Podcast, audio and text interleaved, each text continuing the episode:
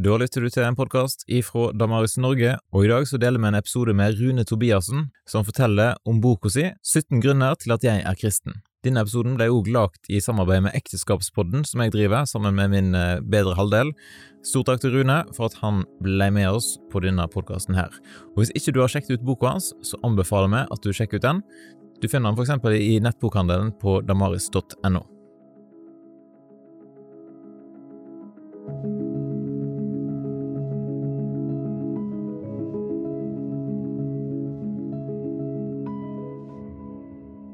Da har vi fått eh, koselig besøk i studio her.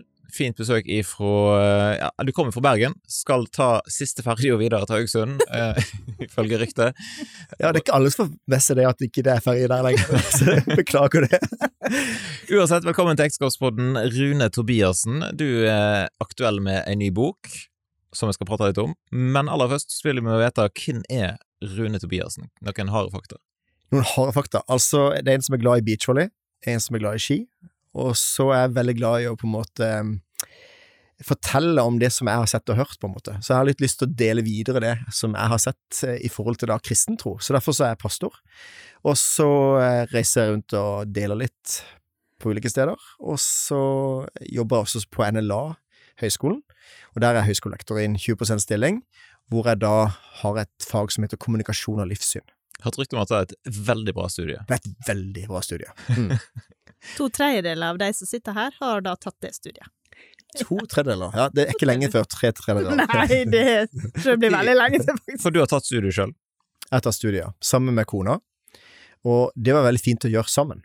Så vi, vi eh, satt på en måte på skolebenken sammen og fikk lov å oppleve en tur til England, og, og, eh, så det, det, kan anbefales. Så smarte var ikke vi. Nei, vi hadde jo en baby samtidig, så det hadde blitt veldig vanskelig. Ja, mm. men uh, jeg tok uh, Silje med på sånn eh, KL Light-tur til London etterpå KL-studiet. Å, det var gøy. Faktisk. Det, ja. Så det anbefales. Du gikk på Bildøy året etter Silje og meg. Eller, ja, Silje og Silje. meg. Ja, ja, jeg var jo T2-elev, eller hva det heter, på den tida. Hvordan var Bildøy for deg? Det var perfekt uttelling, det. så på Bildøy så er det sånn at du blir kasta på sjøen hvis du blir sammen med noen. Og jeg vet ikke om det gjaldt dere også, men i hvert fall så Så Silje snek seg unna? Ja, riktig. 23. januar. Det anbefales ikke å bade i januar, og ikke bli sammen med noen på Bildøy i januar, for da, da havner du på sjøen. Det vel, men det var verdt det. Nå sånn cirka 20, må tenke her, 22 år etterpå, så, eller etter gift, mener jeg, så, så eh, var det fremdeles verdt det. Mm. Ja. Vi følger jo Randi på, på Facebook, og hun er ganske morsom på Facebook. Ja, det er bare slå opp Randi Tobiassen. Eh, ikke slå opp, men Det er bare finne henne på Facebook. Det er veldig gøy, det. Så jeg er veldig glad for at hun er en sånn eh, Ikke typisk, vi skal si Finnes det noe typisk pastorfruer eller pastorkoner? Jeg vet ikke, men i hvert fall hun er ikke typisk. Mm. Så det er veldig gøy å kunne ha mye gøy på Facebook. Ja. Men oppstår det òg masse morsomme hendelser i hverdagen deres, eller er det kun på Facebook? Nei, for å si det sånn, altså de, de tingene som går galt, de kommer ut på Facebook. Så jeg kan jo si til de som følger henne at, det, at det, det, er faktisk noe normalt òg, faktisk, da, men det kommer ikke på Facebook, da. Det er ikke så gøy å fortelle om det, det gjør jo alle andre, så ja. Ja, nei, det er jo fantastisk. Og så er hun så flink å formidle. Altså, det, hun skriver så gøy, da. Det er ikke alle som klarer å å, å få fram det, Altså skrive det bra, men det Nei, det, er, det, er, det er veldig gøy. Mm. Og så er det jo noe med nettopp dette med at vi, at vi våger å være ærlige med livet. Ja, kjempe. Ikke sant? For hvis det på en måte er en sånn fasade som vi har lyst til å legge fram, og det fine, flotte, alt på Facebook, alle turene du er på og sånt, så, så er det et eller annet som, som gjør at vi enten blir misunnelige eller hovmodige, og derfor sammenligninger på Facebook, det er en sånn nesten en slags forbannelse, vil jeg si. Er det lov til å si det? Men ja. poenget er at det er det der å, å, få lov til å være litt sårbar og, og lette litt på sløret og si at vi er ikke en perfekt familie, det, det tror jeg er bra. Kjempeviktig. Spesielt når jeg er pastor. Mm. Ja, fortell litt om hvordan er det å jobbe som pastor?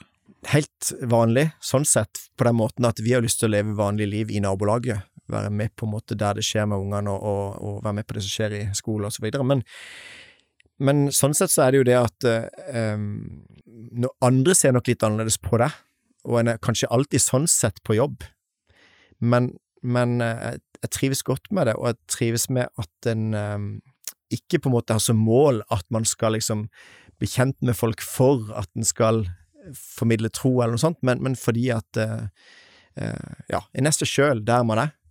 Og, og så, så vet, vet nok de fleste at det er pastor.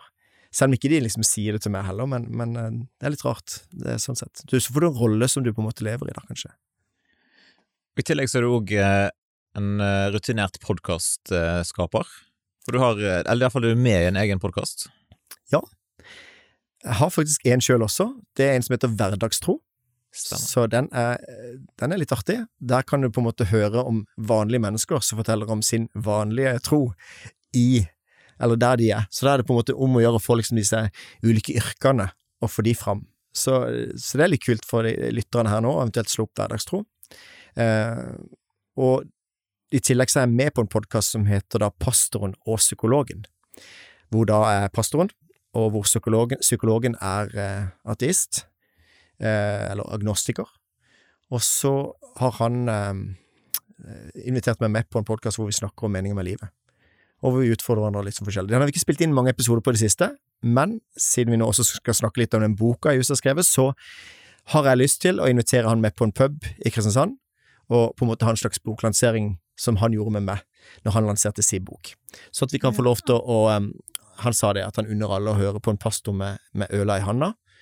Og uh, han fikk litt mer og mer innabords mens jeg satt med forrige klasse, så det ble veldig gøy etter hvert. Men, men, poenget er at disse går an å slå opp da på, på Eller søke opp da med pastoren og psykologen, og så Så uh, det er to podkaster som er med i dag.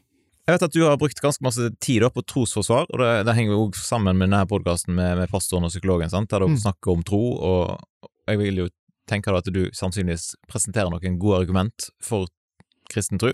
Mm. Hvorfor er trosforsvar viktig for deg? Jeg tror, jeg tror, kanskje det er personlig på den måten at, at eh, min tro er preget av mange spørsmål. Jeg har på en måte lyst til å, å, å søke etter svar, og hvis jeg da hører at noen, eller i boka så forteller at en grunn til at jeg er kristen, er et, et bønnesvar, for eksempel, som ingen kan ta fra meg, men da er jeg like opptatt av å utfordre meg sjøl til å si ja, men med, hvorfor svarer ikke Gud på alle bønner, hvorfor helbreder han ikke alle? Og så har jeg alltid spørsmålene til det jeg sier sjøl, også til andre. Så det å stille spørsmål ved troa, og kanskje en skeptiker til troa, på en måte, det har gjort at jeg har gravd og liksom leita litt etter svar, og når jeg da har funnet ut at det er på en måte hold i det, eh, så kommer jeg styrka ut av det. Så det som på en måte kan begynne som en tvil, på en måte, gjør at det blir bare på en måte enda mer forsterka og forankra tro, da. Nå begynte jeg å bli litt usikker på, sa vi hva boka di heter? Skrev, Nei, nå kan du få lov til å si det. Ja, for hva heter boka? Den, jeg holder på å lese den, jeg synes den er innmari bra.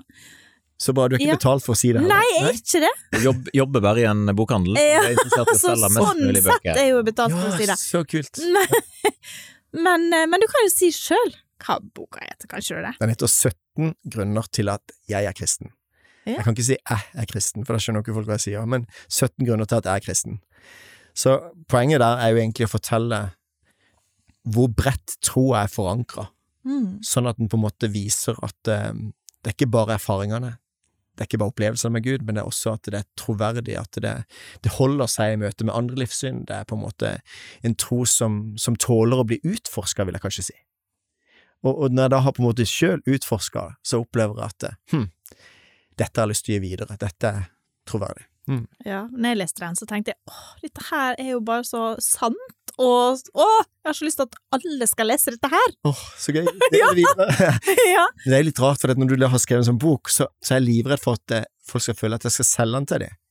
Så derfor så på en måte, jeg har ikke lyst til å ha noe sånt, det sånn, du får en sånn royalty når du skriver en bok, ikke sant, men det skal jeg gi vekk, for at jeg vil kjøpe bøkene til de som ikke har råd til å kjøpe, eller som ikke har noen som på en måte i utgangspunktet ikke vil kjøpe, sånn at jeg kan være med og gi den til noen som, som jeg tror har godt av å lese den, eller som ønsker å lese den, men ikke har råd til å kjøpe den. Det er jo genialt. Ja, det er veldig lurt. Jeg vil jo tippe at en del folk sitter og klør seg litt i hodet, og så lurer de på hvorfor i all verden 17 grunner? Hvorfor ikke 16, eller 19, eller 20? er det liksom, det finnes 17 grunner, that's it, eller hva? Nei, altså, tallet er nok litt sånn for at du skal akkurat få den følelsen. Ja. At det, hvorfor 17? Og kanskje det skaper mer nysgjerrighet enn 10. Eh, men det er mer enn 10. Men det kunne vært 58, men ingen hadde giddet å lese boka hvis det var 58 grunner til å være kristen. Så derfor så blir det 17 for å vise at det er mange, Og så er det et primtall, det er veldig viktig. og så er det et helligtall. Nei da, det er det ikke, men eh, nå måtte, du liksom oh, er det det? ja, Nei da, det, det er rett og slett litt sånn at jeg, jeg lurte på om jeg skulle ta 20, for jeg klarte ikke å altså, Men så måtte jeg jobbe meg ned, og tenkte at nei, nå må jeg, nå må jeg få det ned i 17 igjen. Så da endte jeg opp på 17 grunner. Kan du avsløre noe hva som ikke kom inn i boka? Faktisk så hadde jeg en grunn lenge som på en måte var det at det er så mange grunner som sammenfaller i ett livssyn. Det er faktisk en grunn i seg sjøl, ja. Så, så, men samtidig så er jo det nettopp det som er bakgrunnen for boka, da, at det er så mange som sammenfaller. Så derfor tok jeg den ut. Og så tok jeg også ut Blaise Pascal som sier at det er bedre å tro og ta feil enn å ikke tro og ta feil. Eh, og derfor så fant jeg ut at det, det bare nevner jeg litt, og det er mange ting jeg kunne satt med, som dere skjønner, men eh, ja. Helt klart. Er det den første boka du har gitt ut? Det er det men jeg har vært med å skrive ett kapittel før i en bok som heter Grill en kristen. Mm. Så jeg har kalt meg for en tjuendedels forfatter. Men nå kan jeg kanskje kalle meg forfatter. Når kom eh, tanken om at du hadde lyst til å skrive bok, da? Altså, jeg har hatt en undervisning som har vært 17 grunner til at jeg er kristen, eh, og som når jeg har vært mye rundt og hatt undervisning på bibelskoler og folkehøyskoler, eller vært i menigheter og andre steder, så, så er det noen som sikkert har hørt den undervisninga. Men 1. august 2019 så var jeg på tur med eh, min bror og familien, sammen med min familie, eh, i Kroatia. Da, da våkna jeg klokka fem på natta, det har aldri skjedd før eller siden, og og, men, men, da fikk jeg en sånn helt, helt spesiell, sånn klar tanke jeg skal skrive bok. Og så hadde jeg en veldig, veldig fin tur opp i fjellene, sånn, hvor jeg hadde sånn bønnetur.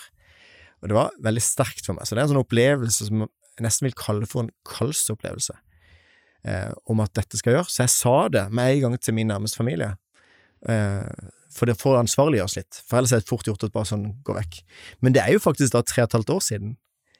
Så, men når jeg har mange jern i ilden og fire arbeidsgivere og masse prosjekter og sånt, så har det måttet tatt den tida, men nå er jeg veldig glad for å kunne presentere boka, da. Hva vil du si er målet? Altså, hva, en ting, hva er målet med boka, og hvem er målgruppa? Ja, stilig.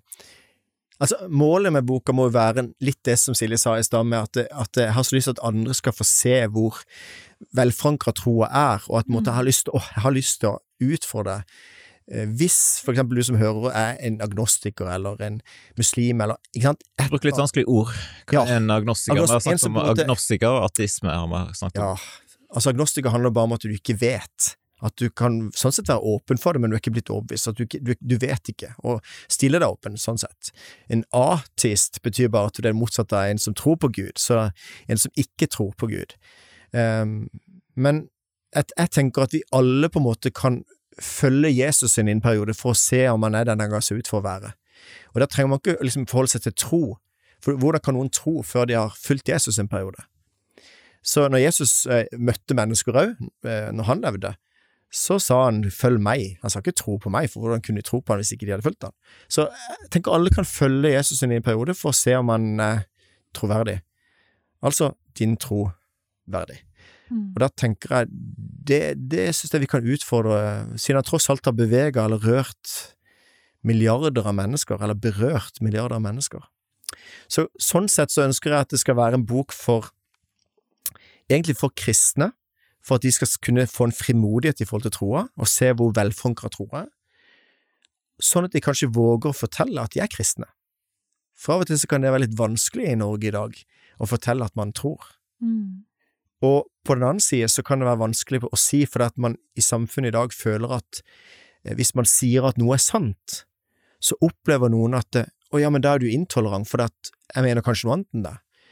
Og, og det har jeg litt lyst til å utfordre, for at utgangspunktet for toleranse er at man er uenig. Og ikke sant, hvis man er uenig, så trenger vi toleranse for å respektere hverandre med forskjellig syn.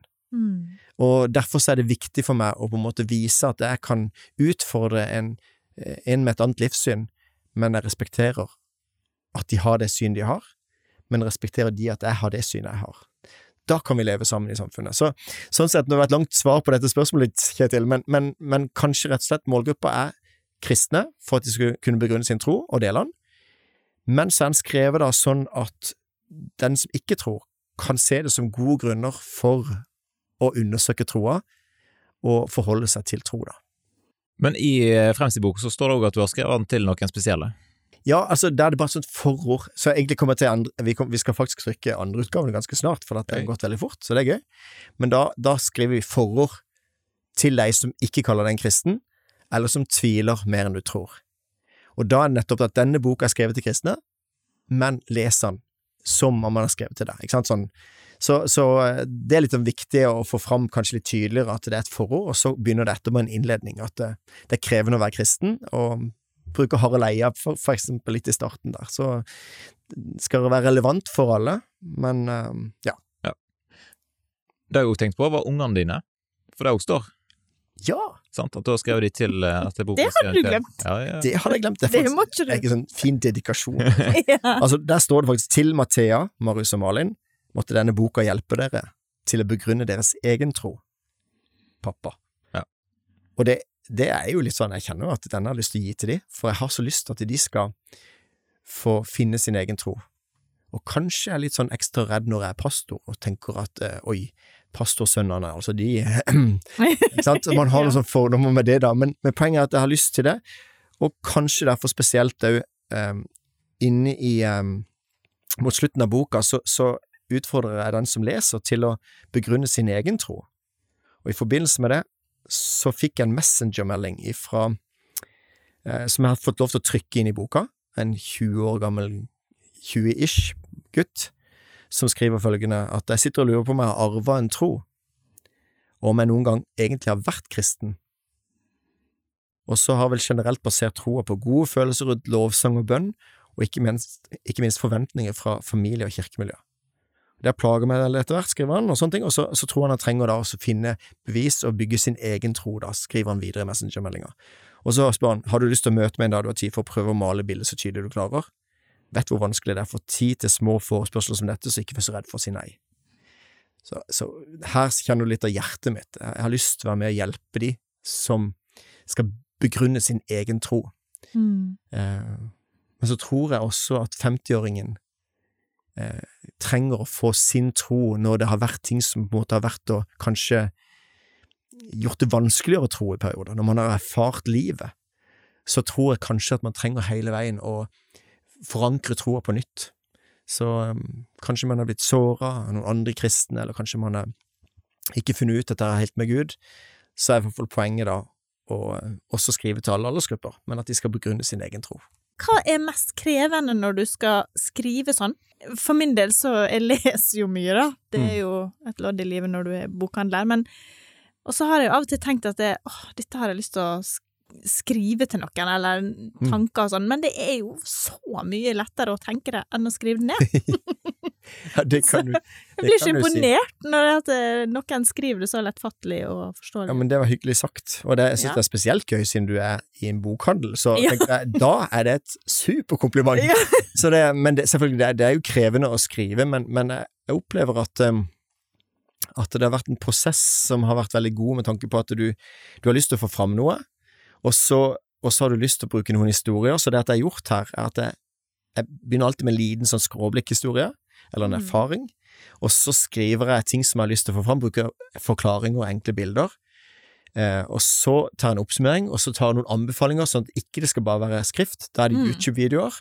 og- og, det var helt genialt. ja, Ja. og ikke minst så endrer jeg hvert sånn, hver grunn da, med en sang som Ja. jeg viser til. Og da har du en QR-kode, Mm. og så går du rett inn i en sang som gjør at du kan spille på andre ting, sånn at de som ikke synes det er så gøy å lese, kan få inn på en måte hva jeg ønsker å formidle gjennom en sang som jeg synes er bra, som sier noe om det som jeg sier da. Mm. Så eh, nå kan jeg avsløre for eksempel én grunn, da. Min syvende grunn til at jeg er kristen. Der er det egentlig bare en stor QR-kode. Hvis du tar QR-koden på den, så skal jeg avsløre egentlig hva som skjer da. Ja, gjør det. Ja, da får du rett og slett bare Johan Sebastian Bach, er det ikke det han heter? Ja, stemmer! Så da er det på en måte litt. Skru opp anlegget, og Ja, ja, ja. det sto det, ja. Ja. Mm. Så poenget var bare at da, da plutselig får du noen andre sanser, du spiller på andre strenger. Så, eh, så poenget du får liksom inn, så at det er på en måte en tro med hodet og hjertet og hele oss, da.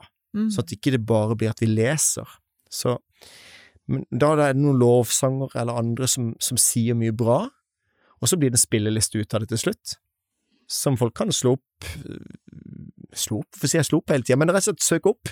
Og så da er det egentlig eh, 17 grunner til at det er kristen spilleliste, og det er de sangene som anbefaler, pluss alle de 30 sangene som ikke klarte å få plass til i boka, som jeg syns er veldig bra.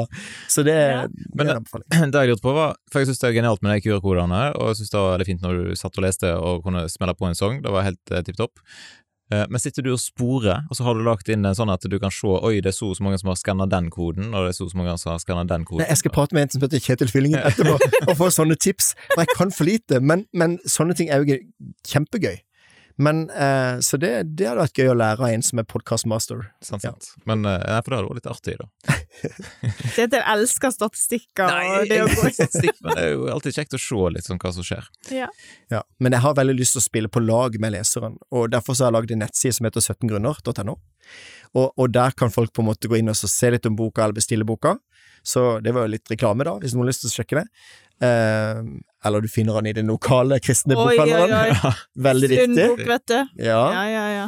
Nei, så, men jeg, jeg hørte faktisk det av min lokale bokhandler i Kristiansand, at han sa det at eh, skal, men skal ikke jeg bare henvise til dere? Men så sa han at jo mer det selges, jo mer selger han. Så jeg, derfor så ble jeg frimodig til å faktisk da også lenke de til egen nettside, for da kan de se litt av hva boka inneholder og sånt. Og så vil jeg ha en samtale med leseren. Så når man sjøl har gått gjennom de 17 grunnene og begrunnet sin egen tro, så vil jeg gjerne høre om det på en måte, hva, hva, er det din tro, hva er viktig for din tro? Og eventuelt hvis jeg har glemt en grunn, kan ikke du dele den med meg, ikke sant? eller andre lyttere og lesere? Mm. Ja. Jeg tenkte coveret på boka, da har du designa sjøl. Så jeg inn i Så du det? Ja, ja, ja. Litt stolt. Nei, jeg synes det er veldig kult, for at, eh, først så tenkte jeg skulle ha mange sånne bilderammer med forskjellige gamle, nye rammer og sånt, men så ble det veldig sånn, her er det bare en bildevegg med, eh, jeg søkte Shutterstock 17 rammer, og så erstatter de rammene egentlig bare med mine bilder, som sier noe om den grunnen til at jeg er kristen. Så her er det bilder som jeg zoomer inn på i hver av de 17 grunnene. Så nå når jeg ser på coveret nå, så er det altså 17 små bilder som utgjør min tro, min bildevegg. Og så, eh, så zoomer jeg inn på de ulike grunnene. Så i midten her nå, så er det bilde av en sånn fredfull øy i et, med et vann rundt, som er det så fredfullt. Og det bildet på en måte sier noe om min femte grunn til at jeg er kristen, at det gir meg en fred midt i kaoset. Så det er en grunn til at jeg er kristen, en fred. Og så er det også håp, da. Mm. For det var litt artig, vi satt med han eh, minste gutten vår og, og så på den boka da, og liksom pekte hva, hva grunner tror du den er, og Ja. Så det var jo genialt. Veldig kult. Og da kan du også faktisk forklare for barna eh, ikke sant, hva grunnen er. Hvis du har lest den, så kan du på en måte gå gjennom og så si at vi kan begrunne troa vår. Så, så eh, kanskje vi kan lage en barneversjon etter hvert. Ja, det er faktisk en veldig god idé, for Ja. ja. eh, sånne type bøker for barn er det jo ikke akkurat veldig masse av. Ja, vi får snakke med bokhandleren. ja, ja, ja, bokhandleren er åpent for alt. Men, men det, jeg leste to bøker parallelt, og det var veldig interessant. Jeg leste denne her eh, Hvordan snakke med barna om Gud, Ja. og De. Ja. Eh, litt sånn parallelt. Og det var veldig, Veldig fint. bra, altså, for det, det der var mye overlapping. Ja. Mm. Stilig. Et annet ord som vi har brukt flere ganger nå, er jo dette med trosforsvar. Ja. Eh, kanskje vi burde definert hva er trosforsvar, men eh, da kan du jo ta mens du svarer på neste spørsmål, for at er dette her ei trosforsvarsbok? Altså, forsvar av troa, det opplever jeg at det er ganske mange Altså, apologetikk, det er liksom som, som kan bli litt teknisk av og til. Det kan bli sånn at du, hvis de sier det, så skal du svare det, ikke sant, og så videre. Men jeg har så lyst til at det skal være mye mer sånn ekte, og fra mer at eh, man deler hvorfor man tror. Og, og kanskje det er litt mer sånn trosforklar også. Trosforklarbok. som på en måte liksom skal forklare troa, hva vi egentlig tror da som kristne, som nysgjerrige utenfra kan høre på, og sånn at man kan bli klar over som kristen sjøl hva man tror. Så en trosforklarbok, men kanskje enda mer vitnesbyrdbok, men det er jo et annet vanskelig ord. Og vitnesbyrd er jo egentlig ikke noe kristent ord, men det blir brukt veldig mye i kristen sammenheng. Men det handler om å bære fram et vitneutsagn. Så trosforsvar føler jeg ofte at noen forbinder med at du skal forsvare Gud. Han klarer fint å forsvare seg sjøl. Han kan til og med få steinene til å rope, så det er ikke noe problem. Men det vi er utfordret til som kristne, det er at vi, vi er utfordret til å være vitner. og vitner i en rettssal, de skal fortelle sin versjon Mm. av hva de har sett og hørt. Og det skal jeg gjøre i forhold til Gud. Ikke forsvare han, men jeg skal si hva jeg har sett og hørt. Og Derfor så tenker jeg det blir mitt vitnesbyrd, på en måte. Hvorfor er jeg kristen? Og så har jeg ut, lyst til å utfordre hver enkelt kristen til å finne ut av hvorfor er du kristen? Og da tenker jeg at vi må ikke svare at vi er vokst opp i et kristent hjem hvis vi er det, Eh, for det må jo være relevant for andre. Vi må ikke bare svare at nei, fordi jeg velger å tro. Vi kan forklare at vi har opplevd Gud, vi kan forklare, men vi må også forklare at det er troverdig, og så videre. Så derfor så blir det en slags vitnesbyrdebok, mer kanskje. Ja. Mm. Trosbegrunnelse er et- òg et, Ja, en fint. å si det på. Disse 17 grunnene, da, er de plassert i prioritert rekkefølge? Har du liksom tatt den viktigste grunnen først, og så videre? Nei, det har jeg ikke. viktigste sist. Ja, kanskje, jeg skal ikke avsløre hva den si- siste er, men poenget her er at det, det er ikke noe rekkefølge, fordi jeg har lyst til å hoppe litt fra hjertegrunner til hodegrunner, hvis det går an å si det på en sånn flåsete måte.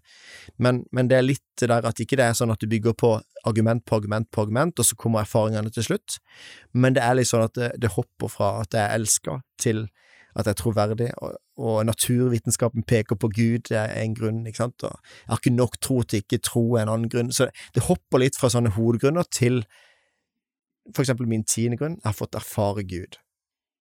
Og da har jeg lyst til å dele hvordan jeg har opplevd eh, Gud. Så det, Derfor er det ikke noe rekkefølge, men eh, Men Det betyr jo at du kan eh, jukse i hermetegn, at du kan lese det kapitlet du syns er mest interessant først. ja ja, det er fint. Det er ikke noe problem. Men jeg, allikevel så har jeg valgt å begynne med hva er meningen med livet. Nei, unnskyld, ikke hva er meningen med livet. Det, det er en mening med livet, livet som er min første grunn. Fordi at det, der tror jeg mange er eh, at man kan være søkende. Er dette alt? Eh, Hva holder jeg på med Um, i livet? Og da tenker jeg at er det bare jobb? Er det bare jobb? Ikke sant? Og så, og så føles på en måte Så det, jeg har valgt å begynne der, og så har jeg valgt i bildeveggen å ha fred i sentrum. Og så har jeg på en måte valgt å ha da på en måte Jesus, da, som er Han overvelder meg, som 17. grunn, som siste grunn. Og for den som møter Jesus sitt blikk, den blir aldri den samme. Så er det mange som kan tro at de har forstått hva Jesus er fordi at de har sett kristne eller noe sånt, men ikke se på oss kristne, ikke sant? Fokuser se heller på Jesus, for han viser oss hvem Gud er, og, og mye lettere å forstå Jesus. Det er derfor det står i Johannes 1,18 at ingen har noen gang sett Gud, men den enbårne, som er Gud, og som er i fars favn, han har vist oss hvem han er. Så når det er vanskelig av og til å forstå noe av Gud, så synes jeg det er mye lettere å fokusere på Jesus. Og han, han berører mange mennesker. Det hadde vært interessant å lage en podkastserie med 17 grunner. Mm. Det har ikke vi tid til i kveld, siden det er lørdagskveld og vi skal opp og spise snop eh, etterpå. Eh, Jeg har tid. Ja, det er viktig. Men uh, hvis du får et sånn Du treffer noen i heisen, da, og så har du 30 sekunder på å forklare hvorfor er du kristen, Rune. Mm. Jeg vet ikke hvor- mange som tar heis med deg til vanlig, da. Jo, men den der elevator pitch, som det heter innenfor salgs eh, Det har faktisk gjort det i boka. Jeg lånte det fra Nordea. De sin sånn salgspitch, på en måte. Hva du skal si når du skal presentere hva du tror på. Nei, ikke hva du tror på. Når du skal selge et produkt. 30 sekunder eller et minutt som du har på å si det. Og, og derfor så utfordrer jeg til også at vi er klar til å gi en sånn en kortsvar Mm. på hvorfor man er kristen. Eh, og mitt sånn yndlingssvar er nå, det går mer på dette med fred. At når det er mye kaos i denne verden her, så, så har en fred i kaoset. Det betyr ikke at det blir fred på jord, men det betyr at det er en fred i kaoset. Eller når alt er håpløst, så har jeg et håp. Så det er kanskje min sånn elevator pitch for tida. Hvis det er noen som på en måte veldig angriper intellektuelt, eller sånn, så, så kan det kanskje gå mer på jeg, jeg har ikke nok tro til ikke å tro. Jeg, jeg kan ikke skjønne hvordan du klarer å ikke tro. Og så blir det en måte for folk til å tenke på, og så kan det være en slags elevator pitch, da. Ja, nå ser han på meg, og så skulle jeg spørre om noe igjen. ja, hadde du noe på lager? Nei. Nei. Nei, altså, jeg er bare veldig fornøyd med at det er blitt skrevet ei sånn bok, da. Det er så bra. Ja, og så um, skulle jeg ønske at de jeg har lyst skal lese den, hadde vært mer glad i å lese. Ja, men det er et godt poeng. Men kanskje vi kan gjøre noe ut ifra det? Altså, Ja. Kanskje det går an å lage noen podkast etter hvert? Kanskje det går an å lage den eh, lydbok, ja. eller Ikke sant? Så poenget er at Men jeg tror det er bra å ha noe, og så Mm. kan på en måte de eh, Jeg tror den skal være lett å lese, Ja, det er og så tror jeg det er en sånn en bok som som hvis du syns, når du sier at den er bra, da, så, Mm. så er det en sånn bok du kan gi til noen som er nysgjerrig på tro. Og så, så er ikke det noe som man, man trenger å liksom pushe på, for det jo, vi har veldig lyst til å ha respekt for folk som har et annet syn. Mm. Men samtidig, hvis man er glad i mennesker, så har man lyst til å gi det, det som er viktig for en. Og da kan kanskje denne boka være en sånn en åh, du vet at jeg er kristen. Um, så det er vanskelig av og til å forklare hva jeg egentlig tror på, men hvis du er nysgjerrig, kan ikke du se litt nærmere på denne boka? Ja. Og da kan det være en slags måte å bare Dette handler kristen tro om, da. Så det er ikke sikkert du er enig i alle grunnene, men det er ikke så nøye. Da går det an å finne ja, men, Se om det er noen grunner som du syns er bra, og se nærmere på boka. Absolutt. Du nevnte det her med at du har fått erfart Gud. Det Ja. kan jo være at det er noen, eh, noen som er litt, litt interessert i å høre litt mer om. Hva, hva snakker du om da, Rune? Jeg opplever nok litt at det kan være litt vanskelig av og til å fortelle om disse erfaringene. For det at når noen snakker om, om det å dele sitt vitnesbyrd, som vi snakka om i stad, så er det noen som på en måte Oi, de har fått lov til å oppleve masse med Gud, kan jeg da være kristen? Ikke sant? For jeg har ikke opplevd det. Og så sammenligner vi oss på samme måte som Facebook, ikke sant, Mm. og så blir det sånn at åh, da kan, kan jeg egentlig være kristen, eller eller man blir litt tålmodig, har du ikke opplevd mer? Ikke sant? Så, så jeg tror ikke det er bra med den sammenligninga, men jeg, jeg tror vi trenger å fortelle hva Gud gjør. Så derfor så må vi gjøre det, men vi må ikke sammenligne. Og så må vi heller tenke at noen ganger så griper Gud inn på ett felt hos noen, og så noen andre på et annet felt. Men eh, jeg deler noen erfaringer som er i boka, men jeg, har lyst til å gi en, erfaring nå som, jeg, som, som ingen kan ta fra meg, eh, som jeg hadde nå nylig i forbindelse med utgivelse av boka.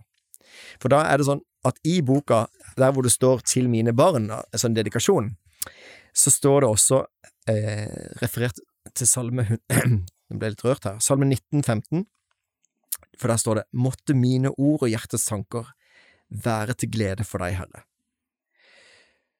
Og når boka sendes til trykken, så ble det dagens bibelord i YouVersion bibelappen som jeg har, som jeg får opp dagens bibelord hver dag.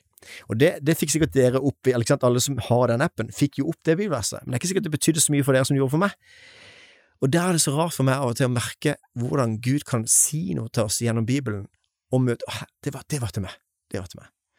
Så da opplever jeg det som en sånn håndtrykk fra Jesus, at em, han ser meg, eller han har behag i det som skjer nå, i denne boka, og, og opplevde det som en sånn en erfaring av Gud. Men jeg kan ikke bruke det som et argument i møte med mennesker som ikke tror. For det, du kan forklare det som tilfeldighet, men det var liksom for stor tilfeldighet. Det er ganske mange bibelvers som kan komme opp eller med. Så for meg så var det sånn wow, takk Gud. Det er litt Mm. Har du fått noen tilbakemeldinger på eh, boka fra folk som har lest? Jeg har det, og kanskje det er noe av det gøyeste. altså um, det, det er sånn at uh, Kanskje litt vanskelig å si ting her høyt nå, hvis jeg skal tenke sånn konkret på, på noen erfaringer, så det ikke kan spores, men, men spesielt så gleder jeg meg over at det, noen endelig får satt ord på troa si. Eh, jeg sendte også boka til en person som ikke er kristen, eh, og som på en måte jeg bare sa det at nå har jeg gitt ut boka, jeg har bare så lyst til å sende den til deg. Hvor da denne personen hadde sittet på, på offentlig transport og på en måte bare liksom Hva er meninga? Eh, jobb, jobb, jobb. Og hvor da personen på noen og tjue sider i boka eh, bare gråter, ikke sant? For da er et spørsmål hva er meningen med livet, ikke sant? som vi var litt inne med i stad.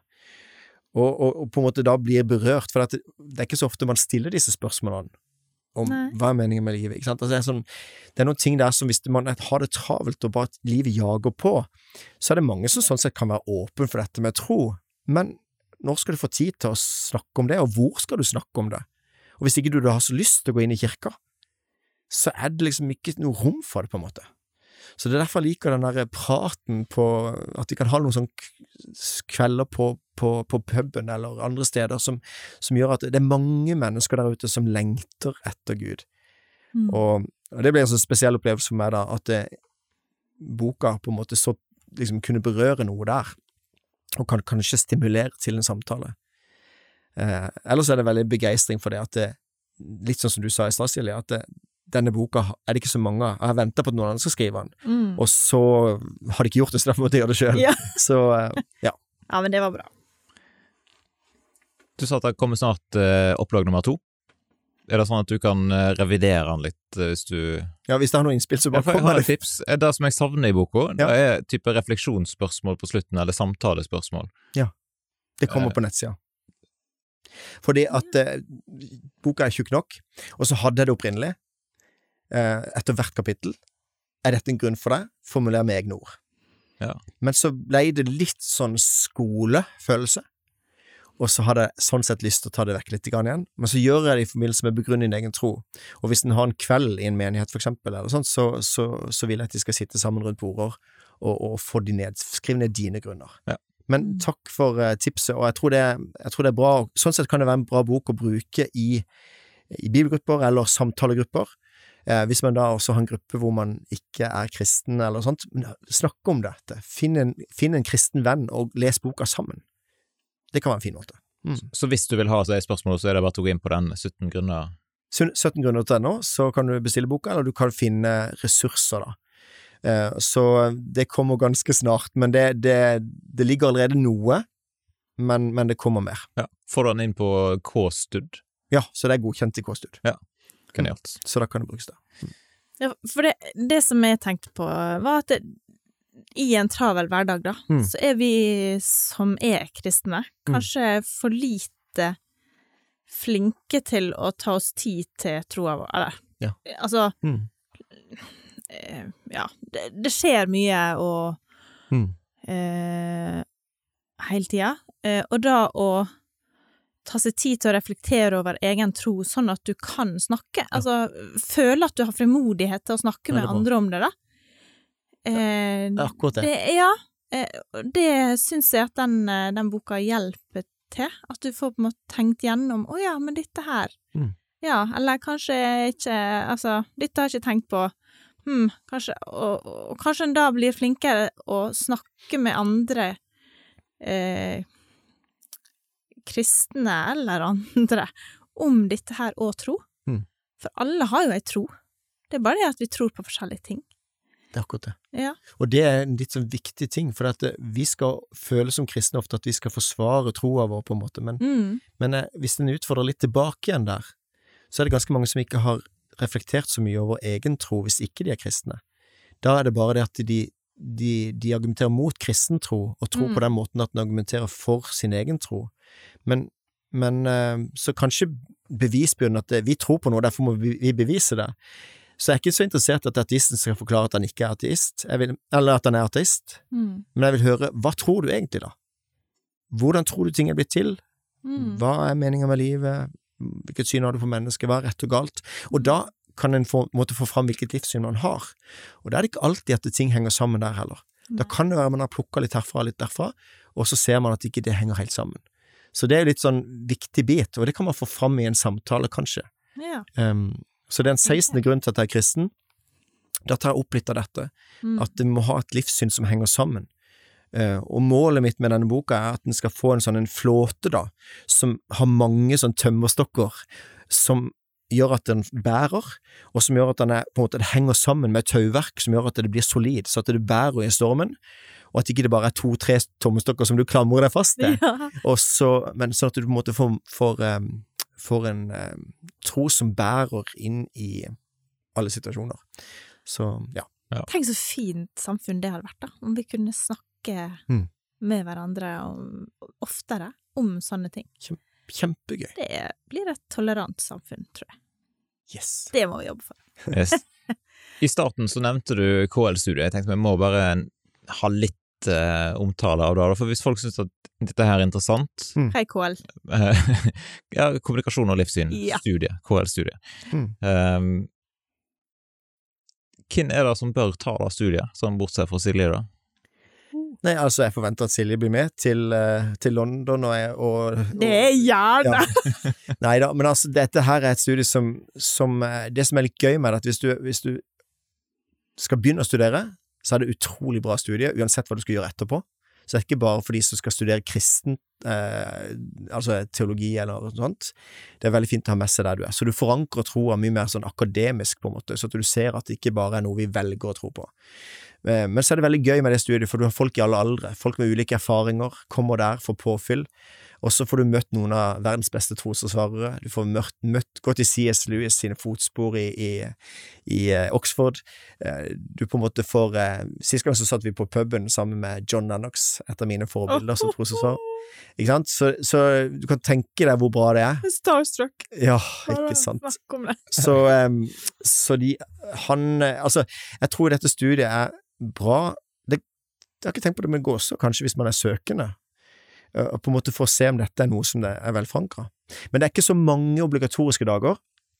3 i august, 3 i, forbindelse med, oktober i forbindelse med Veritas-konferansen, og så er det en tur i september på ti dager. Men så vel verdt det, og så er det lese Det du leser, er jo sånn oppbyggelig litteratur. Så det kan anbefales. Blir eh, boka di pensum? Ja, hvis ikke så slutter jeg. Nei da.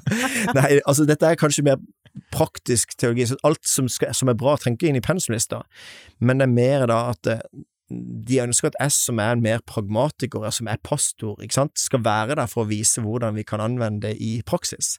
Så sånn sett så vil jo boka være en bit av det, siden jeg er en del av studiet. Men, eh, men eh, det kan virkelig anbefales å ta kommunikasjon og livssyn, og det anbefalte jeg også når ikke jeg var der, så det er kjempeviktig. Det var det beste studiet av mine syv års utdannelse innenfor eh, teologi og kristendom, så eh, det anbefaler jeg. Ja da, det Ja, blir det neste. Så spørsmålet er, skal du bli med? Vi tar det. Ti dager i, Ja. i London og Oxford, eh, det sier ikke nei Ja, til. nei, men Kjetil hjemme. hjemme og passe barn, så det går bra. Ja, ja, ja. Det går helt fint, Mm. tenker jeg. Da har vi det på det rene. Han har sagt ja. ja, vi så har, det er bare å melde seg på. vi har det på vi opptak. Ja. Ja, men bra. Jeg tenkte, før vi går inn for landing, i kapittel 1 så siterer du en eh, kar som heter Lawrence Krauss. Mm. Han har et litt mørkt eh, syn på livet. Ja, interessant at du går såpass dypt inn på det, for det, det er jo ikke sant, Richard, uh, Richard Vi Dawkins skal gi oss på liksom, skikkelig på ja, ja, det var det! Vi avslutter litt, litt lett her. Men poenget er at hvis du først uh, tar bort Gud Altså, jeg mener det, da blir det mørkt. Ja, for hva er det han sier? Husker du det fra toppen av hodet ditt? Nei, jeg, jeg kan ikke huske det helt, men du er det kanskje der? Jeg har det sånn cirka her, da. Han sier noe om at vi mennesker er mer ubetydelige enn vi noensinne kan forestille oss, og at framtida vår er elendig. Sånn eh, Takk for gode, takk for gode ord, Kjetil. Takk, takk for i dag. ja. Nei, men, men poenget er at hvis du på en måte Hvis du er artist, nå er jeg litt sånn direkte, men hvis man er artist, så må man per definisjon si at det er ingen mening med livet, det er ingen hensikt med livet. For alt er blitt til ved en tilfeldighet. Og hvis alt er blitt til ved en tilfeldighet, så er jo vi tilfeldighet, vi er en mutasjon i evolusjonen. Og hvis du da på en måte skal ta konsekvensene av det, så handler det om overlevelse. Og da handler det på en måte om å bare videreføre genene. Og hva er da meningen med livet? Jo, videreføring av genene. Og vi, vi styrer egentlig ikke noe, for vi har ikke fri vilje. Alt bare skjer. Alt bare er årsak-virkning, årsak-virkning. Så for meg så blir det veldig mørkt.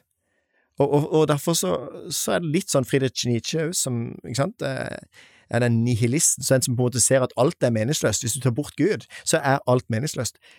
Og jeg må egentlig gjøre rett. Og jeg syns han er en veldig klok mann. Men for meg så blir det sånn at eh, som kristen, da, så, så er det en hensikt med mitt liv og ditt liv. Eh, Det betyr ikke at alt som skjer, er Guds vilje. Eh, Det må en muslim tro. En muslim må tro at alt som skjer, er Allahs vilje. Men som kristen så har det skjedd et brudd med Guds vilje. Så at alt ble skapt over måte godt, men det har skjedd et brudd- med det. Og derfor så er det en selvstendig verden som på en måte går sin egen gang. Og det tenker jeg at det, Så det er alt som skjer, er ikke en mening med, det er ikke det jeg sier. Men, men vi er villet som mennesker. Var, det, var, det var for oss på en måte det ble skapt, og det er vakkert å bli skitten under neglene og grave jorda og, og skape noe, for det viser at vi er lik Gud, for vi er skapt i Hans bilde. Så hvis man har det perspektivet, så er det ufattelig fint liv, men hvis man tar bort Gud, så mener jeg at det blir mørkt. Det betyr ikke at man kan ha kjempemye fint som ateist i livet. Da har du mening i livet. Da kan du fylle med gode relasjoner, familie, jobb og alt det der der. Men hvorfor vi er, er her, det er ingen grunn. Du må bare fylle det med mening, med livet, eller fylle mening i livet sjøl. Men hvis du da ikke har evnen til det, hvis ikke du har anledning eller muligheten til det, hvis du er født som kasteløs i India, og på en måte alt er bare mørkt, så er det bare mørkt. Men jeg kan si til den kasteløse si at du er uendelig verdifull, du er elska. Til og med det barnet som ikke er født engang, kan jeg si at det er uendelig verdifullt. Og så kan jeg avslutte med det jeg har hørt, min pappa, for eksempel nå, han, eh, han har alzheimer. Han har skapt mye, han har starta en bedrift i Stray kjøkken og vært med og bygd opp masse. Og så plutselig nå, så sitter jeg og snakker med pappa sammen med han mannen i speilet. Um, og så tenker jeg at jeg er så glad for at han har like mye verdi, til tross for at han ikke kan produsere noe, eller kanskje ikke nødvendigvis at han får så mye ut av samtalen lenger, så er det en relasjon mellom oss, og så er det så er det på en måte ikke oss det kommer an på. Det er ikke det som gir verdi, men jeg elsker for den er. Så det, det, det synes jeg gir sånn ekstra perspektiv når jeg ser et spedbarn, eller når jeg ser min pappa som, som er dement. Og, så da er jeg så glad for at jeg er skapt inn, eller ser på at det er en mening med livet, og derfor så begynner jeg også med den grunnen i boka. Yes. Jeg tror, uh, ja. ja jeg tror vi rett og slett uh, går for en landing der. Mm. Anbefaler folk å sjekke ut boka, enten på en kristen bokhandel i nærheten av der du bor, eller inn på uh, nettsida som en gang til var 17grunner.no. Ikke 18 grunner, det kunne vært det, men det er 17grunner.no. Så da er det 1-7, sant? Eller du kan kjøpe med Lunde forlag, eller Nei. Ja. Oh, ja, nei. ja, jo, jo. Jo, jo, jo. Eller på ark, eller ja. uh, hvor som helst. Bare Men hvis folk uh, syns at du, Rune, du hørtes ut som en fornuftig type, og så har de lyst til å liksom Ok, kan jeg følge den på Instagram, eller kan jeg bli venn med den på Facebook, eller hva? Ja, Facebook! Jeg er så gammel at det på en måte det er Facebook. Jeg er jo 44 år, så, så jeg er jo ikke på sånne Snapchat. altså, jeg trenger jo på en måte å komme meg der, jeg skjønner jo det, men og jeg ser ut så dårlig på Instagram. Men, men Facebook, der går det an å ta kontakt, og så går det an å jeg kan komme et sted, hvis jeg ønsker å ha det i en forsamling eller et eller annet sånt, og så går det an å ta kontakt hvis det er et spørsmål eller en innvending eller et eller annet som du synes er vanskelig i møte med kristen tro, så vil jeg gjerne være med og, og peke på noen svar.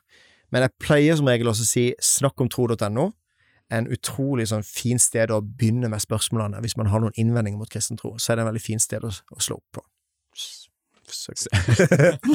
slå opp eh, telefonkatalogen. ja, det var litt gammeldags. Ja, ja, men sånn er det å være 40 pluss. Ja. Da skal Rune få lov til å ta neste ferje til Haugesund fra Stord, ja. så lykke til med det. Og så ønsker vi lykke til med salg av bok og alt som du skal framover. Tusen takk for det, og lykke til videre med podkasten.